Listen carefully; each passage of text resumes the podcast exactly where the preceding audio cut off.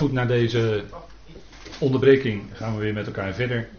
En we zijn voor de pauze, waren we gebleven bij Romeinen 5, de verdrukking bewerkt beproefdheid.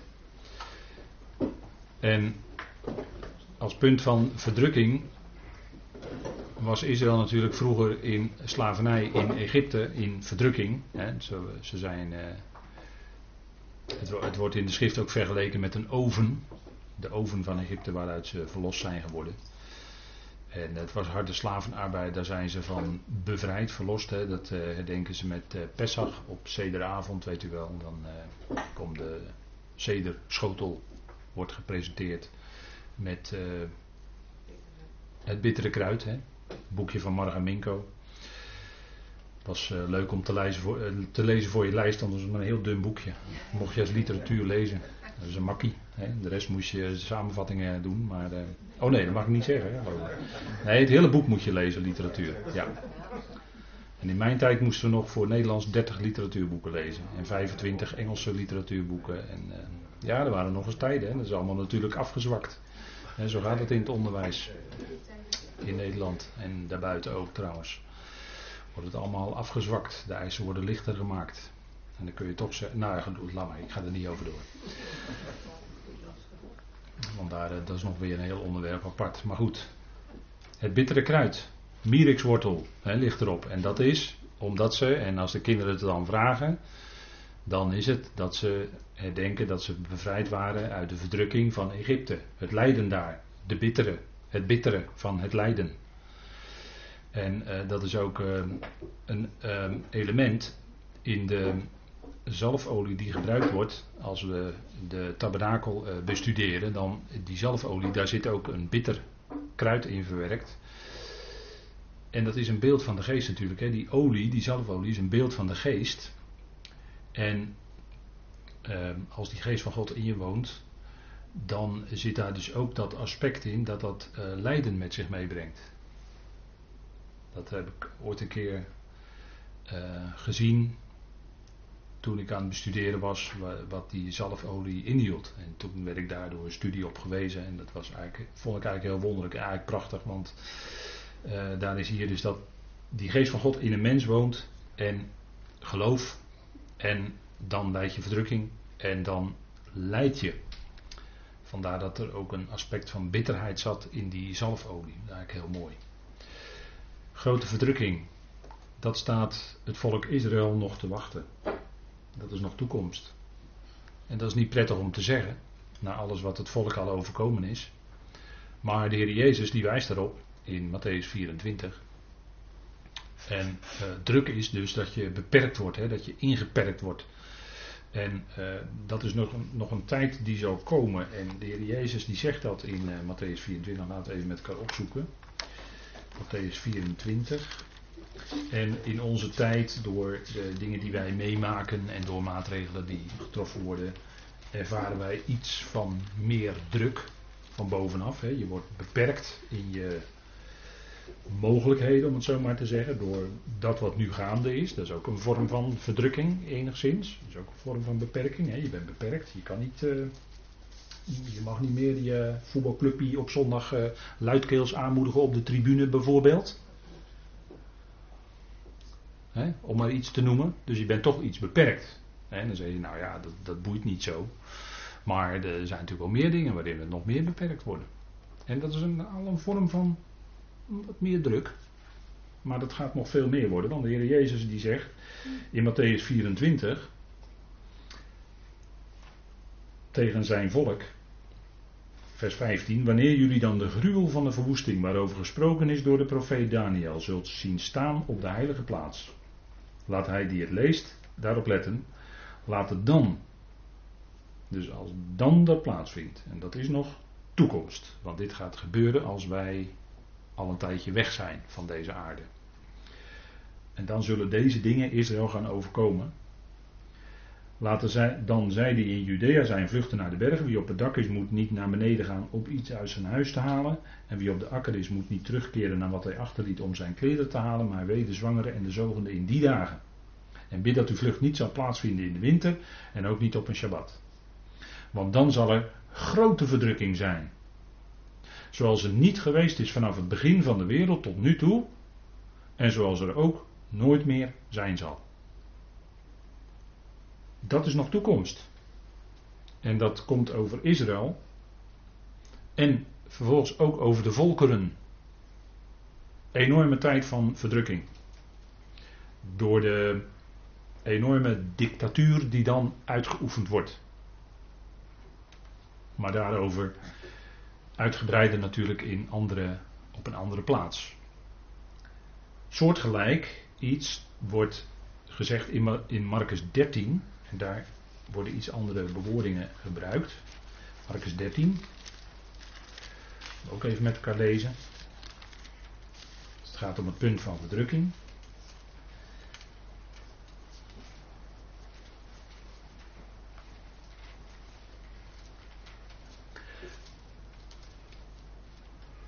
En dan lees ik even alleen vers 19. Want de reststukje ervoor is vrijwel hetzelfde als Matthäus 24. Want die dagen zullen zo'n verdrukking zijn als er niet geweest is vanaf het begin van de schepping die God geschapen heeft tot nu toe en er ook nooit meer zijn zal.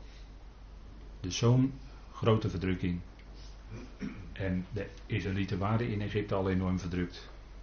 Maar die tijd zal dat volk dus zo verdrukt worden zoals het nog niet geweest is vanaf het begin van de schepping. Dus dat is vanaf Genesis 1 vers 1 tot nu toe. Zo'n verdrukking. Dat zal dan gaan gebeuren. De tijd is beperkt, 1260 dagen.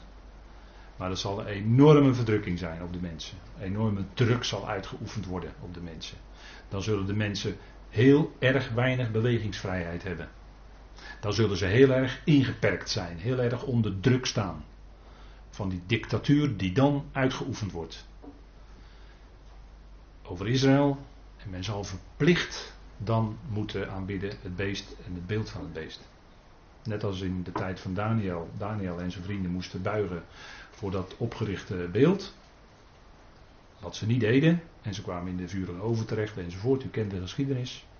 Maar dat is natuurlijk profetisch in Daniel, hè, dus verhalend, geschiedenis. Maar dat is natuurlijk profetisch. Profetisch. Over wat nog in de eindtijd gaat gebeuren. Die tijd is er nog niet. Maar soms denk ik dat we al een klein beetje, heel voorzichtig, wat contouren ervan zien. Maar de tijd is niet bekend, wij weten niet hoe lang wij hier nog zullen zijn. Maar grote verdrukking. Dus grote verdrukking. En wat wij hier meemaken, dat kan ook druk zijn. Druk door de omstandigheden. Onder druk staan omdat je gelooft wat je gelooft. Uh, die dingen, hè, daar gaat het natuurlijk specifiek bij Paulus om. En dit is dan een periode die nog voor Israël gaat komen. Nou, dat is, uh, dat is heel wat. En we bidden voor dat volk. Israël is Gods oogappel.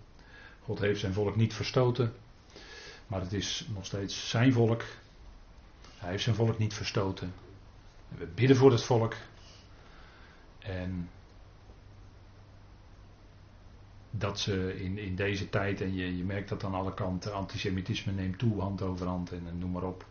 Allerlei akelige dingen gebeuren. En ja, dat is al een, heel voorzichtig prelude op wat nog gaat komen. Dat is, uh, ja, dat is, dat is een hele, hele moeilijke tijd nog. Maar goed, we keren even terug naar uh, Colossense. En daar gaat het dan om vers 25. Paulus die leed, uh, die leed en die werd verdrukt. En dat was ter wille van het lichaam van Christus, dat was ter wille van het evangelie. En dat was lijden en verdrukkingen voor Christus. En dat had ook te maken met het beheer van God dat aan Paulus gegeven is. Het staat in vers 25 van haar, van die gemeente, de Ecclesia, de uitgeroepen gemeente die het lichaam van Christus is. Dat is natuurlijk iets heel bijzonders. Dat is iets heel bijzonders. Want dat is het instrument wat God gaat gebruiken voor de hemelse machten en krachten. Dat is onze toekomst. En dat is nu al. Hè. Nu al wordt die veelvuldige wijsheid van God bekendgemaakt door de Ecclesia. En straks zullen, zal dat in volheid zijn en zullen we die genade gaan tonen aan de hemelse machten en krachten. Dat is onze toekomst, hè? dat is nog toekomstmuziek. Maar dat gaat komen, dat gaat komen. Hoe lang dat nog duurt weten we niet. We kijken er naar uit, maar dat is op Gods tijd. Het beheer van God was aan Paulus gegeven. En dat hield in, hè, dat hield heel wat in. Hij was uh, beheerder, om het zo maar te zeggen, van geheimenissen. En dat had te maken natuurlijk met het beheer van de genade van God. Hè. Daarover spreekt hij in Efeze 3, vers 2. Aan hem was het beheer van de genade van God gegeven. Dat is het beheer ook voor deze tijd. Hè. Dat is wat God toedeelt in deze tijd. De genade van God.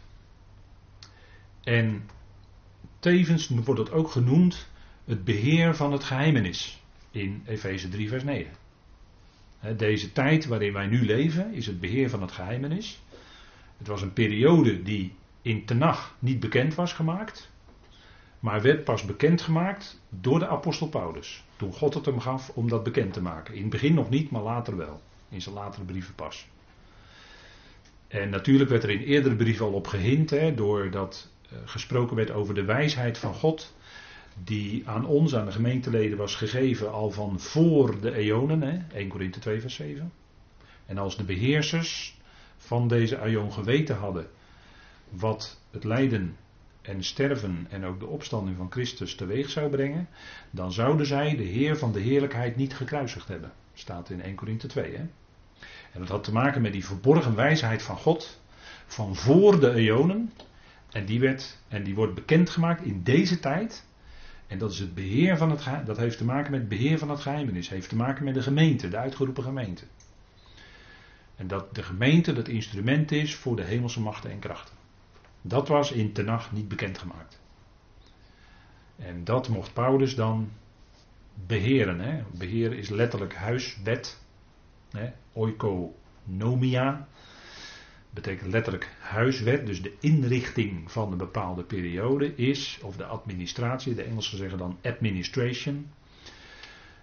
De administratie of het beheer in een bepaalde periode is het geheimenis, dat is nu, kenmerk deze tijd. En wat toebedeeld wordt, is genade. Dat kenmerkt ook deze tijd. En dat was ongekend. Voordat Paulus ging prediken, de genade zo op deze manier prediken, was onbekend. Genade zonder werken? Nee hoor, op die manier zoals Paulus dat brengt, was niet bekendgemaakt. Er werd wel gesproken over de goedgunstigheid. Dat is geweldig hoor. Goedgunstigheid van Yahweh, de barmhartigheid van Yahweh. Eh, en, en, noem alles maar op. Hè. De Heer is genadig en barmhartig en goede tieren en, en noem alles maar op. Maar de overstromende genade op grond van het werk van Christus aan het kruis, dat was nog nooit zo bekendgemaakt. Dat mocht de apostel Paulus bekendmaken. En er is geen andere apostel die het op die manier bekend maakt zoals Paulus dat bekend maakt. Die genade. En dat heeft zoveel aspecten, dat heeft zoveel facetten. Ja, dat is een diamant met zoveel vlakjes.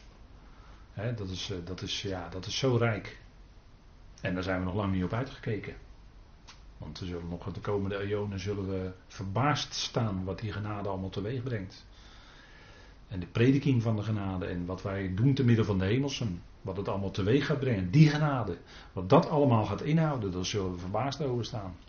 dat is natuurlijk enorm. Nou, we leven nu in de tijd van het geheimenis. Hè. Het beheer van God heeft hij aan Paulus gegeven. Het geheimenis. En zegt hij dat mij gegeven is voor jullie. En dat zei hij natuurlijk uh, met vreugde. En diezelfde uitdrukking, beheer van God, uh, gebruikt hij ook in uh, 1 Timotheus 1 vers 4. Laten we even met elkaar opzoeken. Daar spreekt hij ook over het beheer van God. En dat heeft daar te maken met geloof. Maar even met elkaar lezen.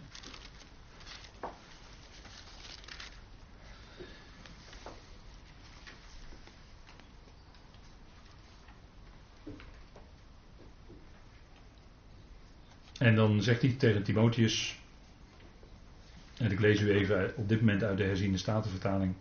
Ik herinner je eraan hoe ik jou, toen ik naar Macedonië reisde, ertoe opgeroepen heb in Efeze te blijven, om sommigen te bevelen geen andere leer te onderwijzen, en zich ook niet bezig te houden met verzinsels en eindeloze geslachtsregisters, die meer twistgesprekken opleveren dan door God gewerkte opbouw in het geloof. En dat is eigenlijk, er staat eigenlijk dan het beheer van God dat in geloof is. Dus er wordt ook dat, de uitdrukking beheer van God gebruikt. Beheer van God is in geloof. En dat te bevelen geen andere leer te leren, dat heeft te maken met de wet. Dat heeft te maken met uh, wettische leraren die in die tijd rondgingen. En je ziet dus hoe ernstig dat bij Paulus ligt. Hij schreef daar natuurlijk de hele gelaten brief over. Maar hij begint daarmee tegen Timotheus gelijk in de eerste verse van zijn eerste brief.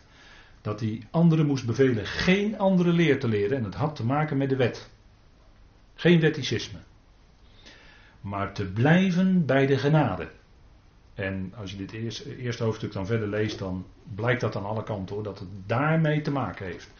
En de toonzetting van Paulus is tegen Timotheus als een, als een opvolger. En Timotheus was natuurlijk ook een leraar. En ook iemand die rondging om onderricht te geven. Die toonzetting is van Paulus heel ernstig. Blijven bij de genade. En je niet laten afleiden richting wetticisme of eindeloze geslachtsregisters. Hè, of je misschien wel bij Israël zou kunnen horen, ja of nee. Hè, bij de tien stammen weet ik het. Dat bouwt niet op. Dat heeft niet, niet te maken met geloof. En dat is ook wat, wat Paulus aan Titus opdraagt. Hè.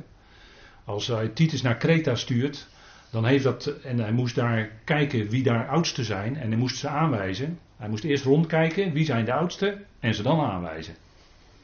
Het is niet dat hij ze moest aanstellen. Nee, als ze er al zijn, is dat alleen een kwestie van aanwijzen.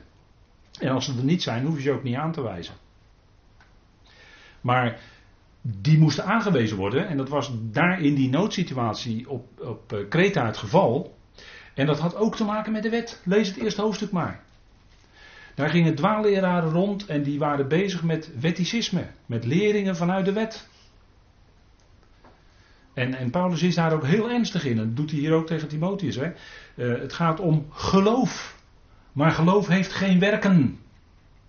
Geloof is in genade. Geloof stemt overeen met genade. Degene die niet werkt, maar gelooft in degene die de goddeloze rechtvaardigt, die wordt zijn geloof gerekend tot rechtvaardigheid. Dus degene die niet werkt, en dan gaat het over Abraham. En heeft hij in hoofdstuk 3 gesproken over het geloof van Jezus Christus. Uitdrukkelijk, hè? Het geloof van Jezus Christus is de basis voor onze redding. En niet ons eigen geloof. Want dat geeft God als genadegeschenk. Dat is alleen maar een bevestiging van het feit dat je gered bent. Maar het gaat om het geloof van Jezus Christus. Net zoals het in Romeinen 4 gaat over het geloof van Abraham. En dan kun je niet knoeien met je vertaling. Want dat doe je als je het zegt het geloof in, terwijl er staat het geloof van. Dan ben je aan het knoeien. En dat kun je niet doen. Zo kun je niet met de schrift omgaan. Dus het heeft te maken met het beheer van God is ook geloof. En geloof is het principe wat overeenstemt met genade. Ook Romeinen 4, hè? dat staat ook in Romeinen 4. Geloof harmonieert met genade. Dat, is, dat ligt in diezelfde sfeer.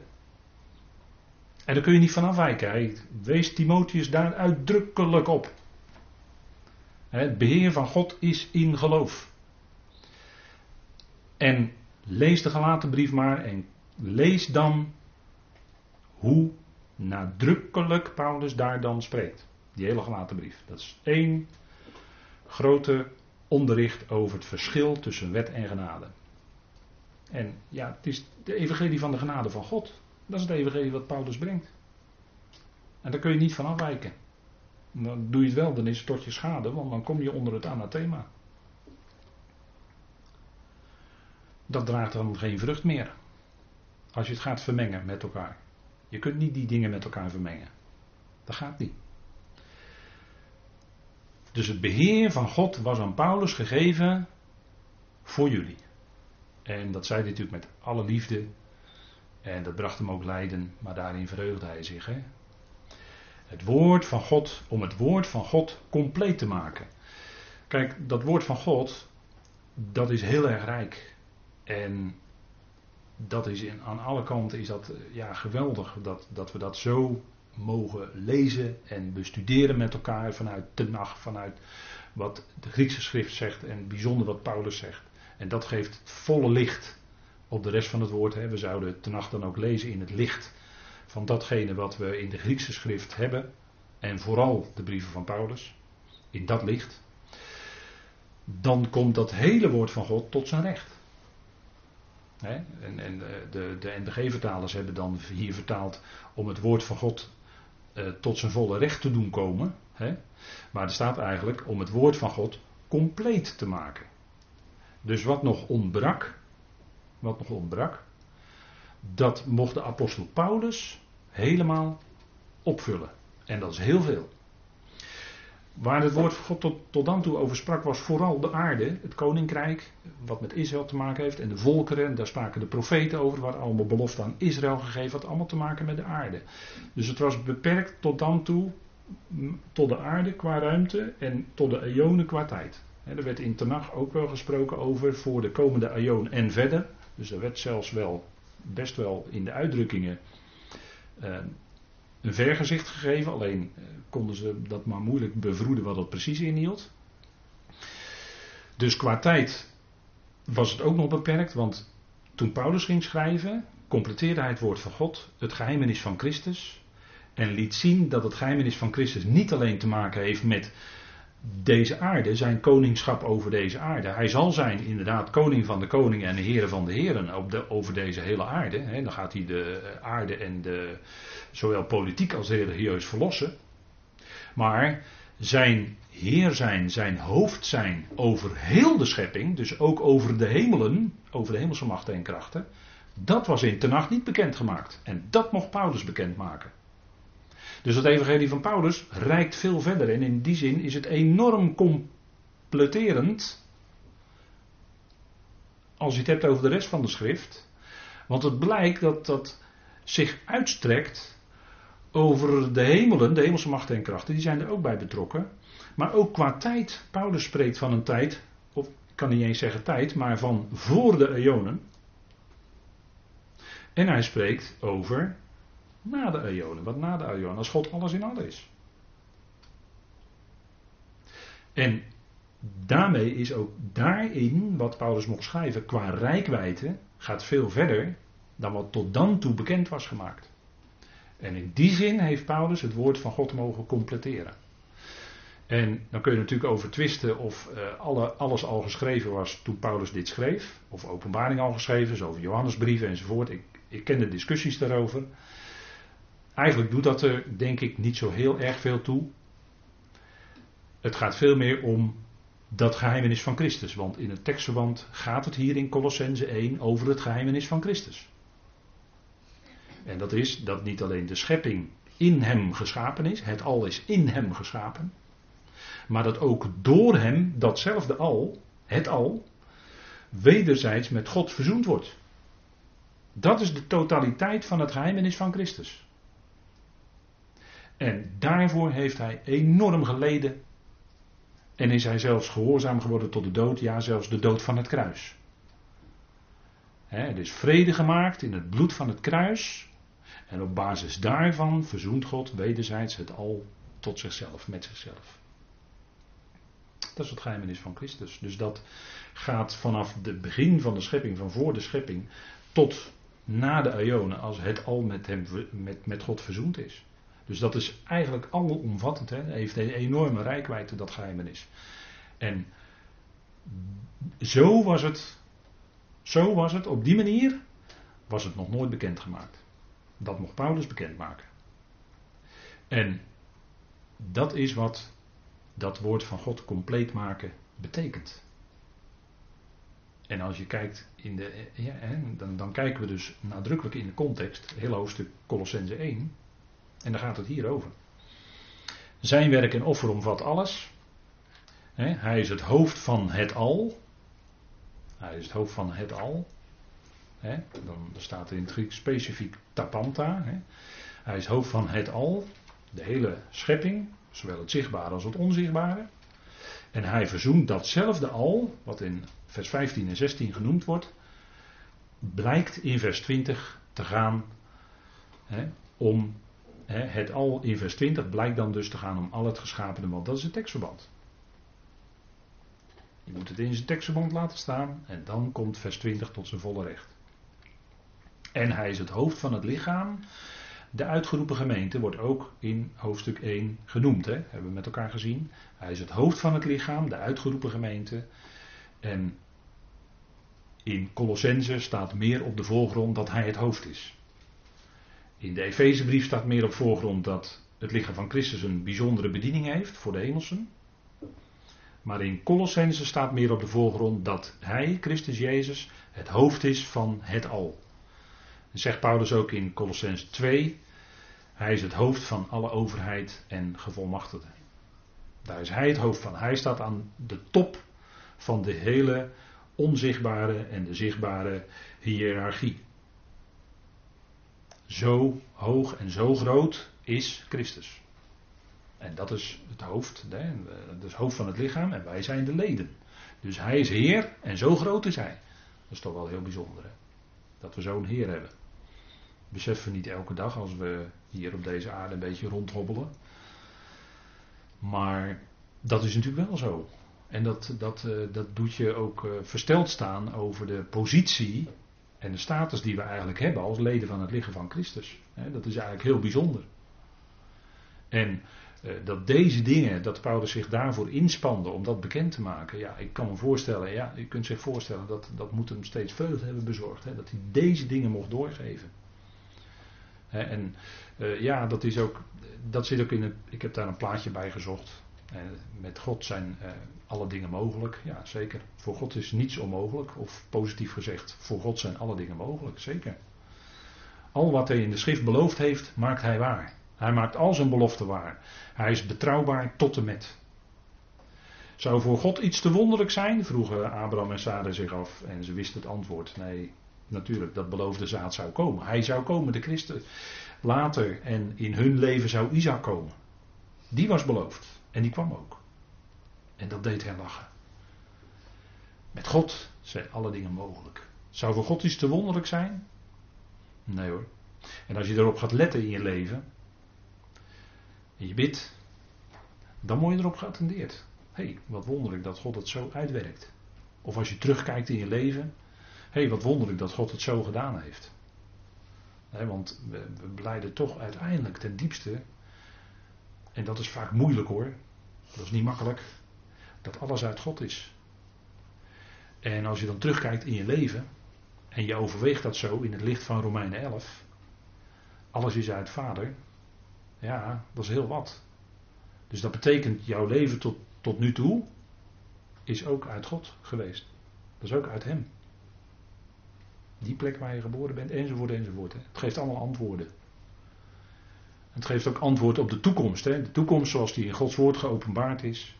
God maakt het waar. Hij doet het. Hij zal het doen. Hij is betrouwbaar.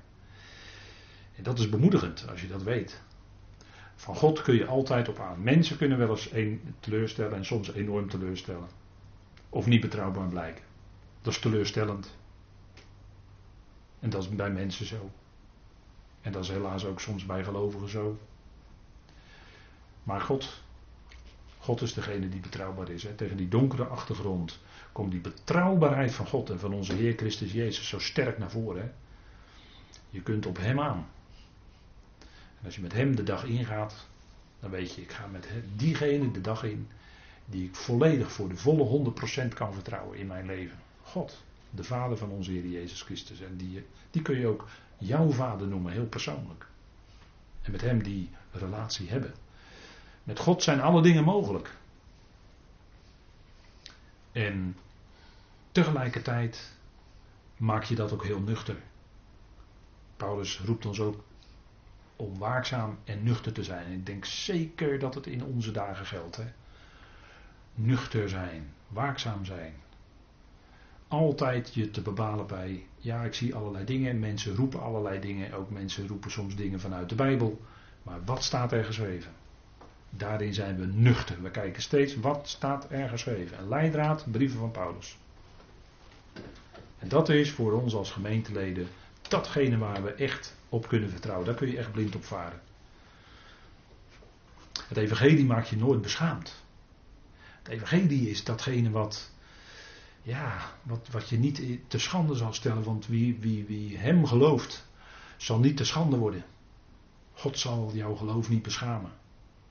Maar we houden dat bij wat God heeft geopenbaard. Goed, tot zover voor vanavond. Amen.